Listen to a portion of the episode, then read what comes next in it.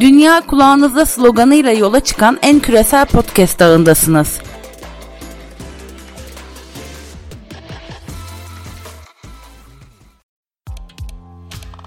Herkese merhabalar. Ben Adem Yılmaz. Bugün 22 Ağustos 2020. İran Podcast 6. yayınına hoş geldiniz. Bugünkü yayın konumuz Birleşik Arap Emirlikleri ile İsrail arasında imzalanan normalleşme anlaşmasının ardından İran'dan gelen tepkiler üzerine olacak. Bilindiği üzere iki ülke arasında imzalanan anlaşma sonrası İsrail Başbakanı Netanyahu, Batı Şeria'nın bazı kısımlarındaki ilhak planını askıya aldığını duyurmuştu.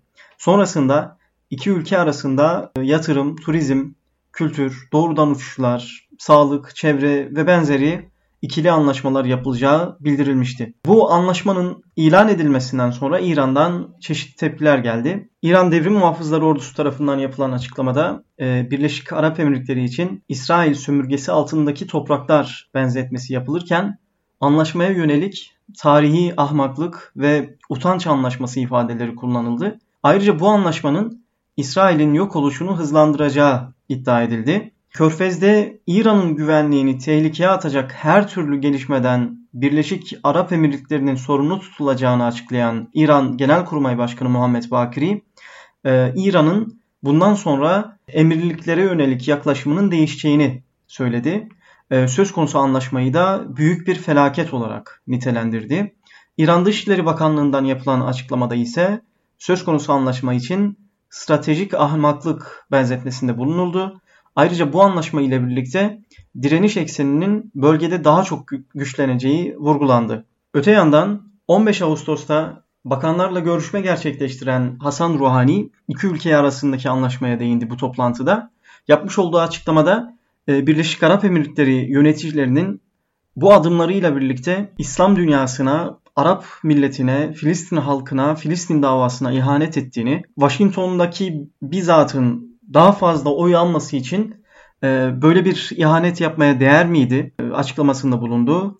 Arap Emirlikleri yöneticilerinin bu hatadan dönmelerini ümit ettiğini söyledi Ruhani ve İsrail'in bölgeye çekilmesi halinde ise muamelelerinin davranışlarının değişeceğine dair uyarılarda bulundu. Mevcut anlaşma İran medyasında da gündem oldu. İran devrim lideri Ayetullah Hamene'in basın temsilcisi olan Hüseyin Şeriat Medari'nin yönettiği muhafazakar yaklaşımıyla bilinen Kayhan Gazetesi'nde çıkan makalede Birleşik Arap Emirlikleri'nin direniş cephesi için meşru ve kolay bir hedef olduğu söylenildi. Ayrıca bu anlaşmanın tek bir sonucu varsa o da küçük ve zengin bir ülke olan Arap Emirlikleri'nin bundan sonra güvenliğe son derece ihtiyaç duyacak olmasıdır ifadeleri yer aldı. Söz konusu anlaşma sonrası İsrail Birleşik Arap Emirlikleri'nde elçilik açabilir iki ülke arasında doğrudan uçuşlar başlayabilir ve sivil alanlarda çeşitli anlaşmalar yapılabilir. Fakat Tahran hükümetinden gelen açıklamalar sonrası İran'ın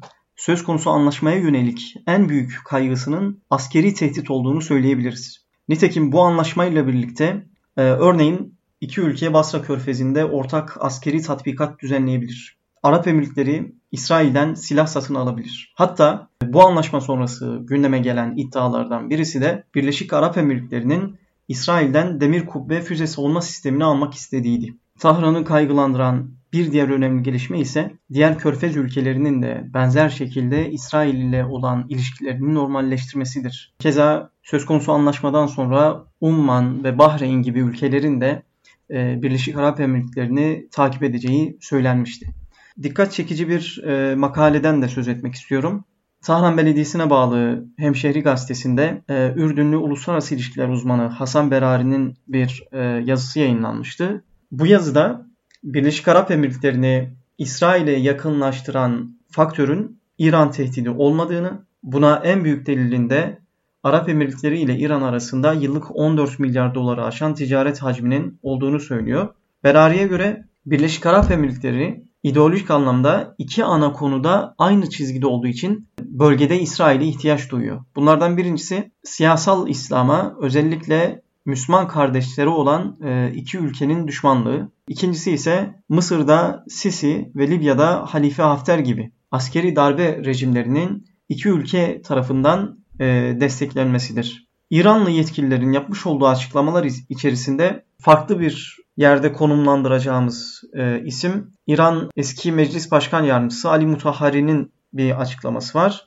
Kendisi Birleşik Arap Emirlikleri'nin İsrail ile olan ilişkilerini normalleştirmesinde İran'ın da kusurlu olduğunu, e, İran'ın Arapları korkuttuğu için Arap ülkelerinin İsrail'e gittiğini, bunun bir örneğinin de Suudi Arabistan elçiliğinin ateşe verilmesini göstermiş. Ee, geçtiğimiz yıllarda Tahran'daki Suudi Arabistan elçiliği ve Meşet'teki konsolosluğu e, çeşitli aşırı gruplarca yakılmıştı. Son olarak Birleşik Arap Emirlikleri'nin Dışişleri Bakanlığı'ndan e, Ruhani'nin söz konusu anlaşmaya yönelik yapmış olduğu açıklamaya dair bir yazı yayınlandı. Ruhani'nin sözleri için bölgedeki istikrarı tehlikeye atan kışkırtıcı sözler ifadesi kullanıldı. Yine Ruhani'nin yapmış olduğu açıklama sonrası Abu Dhabi'deki İran Maslahat Güzarı Dışişleri Bakanlığı'na çağrıldı. İki ülke arasında imzalanan anlaşmanın özellikle İran için ne gibi sonuçlar doğuracağını önümüzdeki günlerde görmüş olacağız. Beni dinlediğiniz için teşekkür ederim. Bir sonraki programda görüşmek üzere. Hoşçakalın.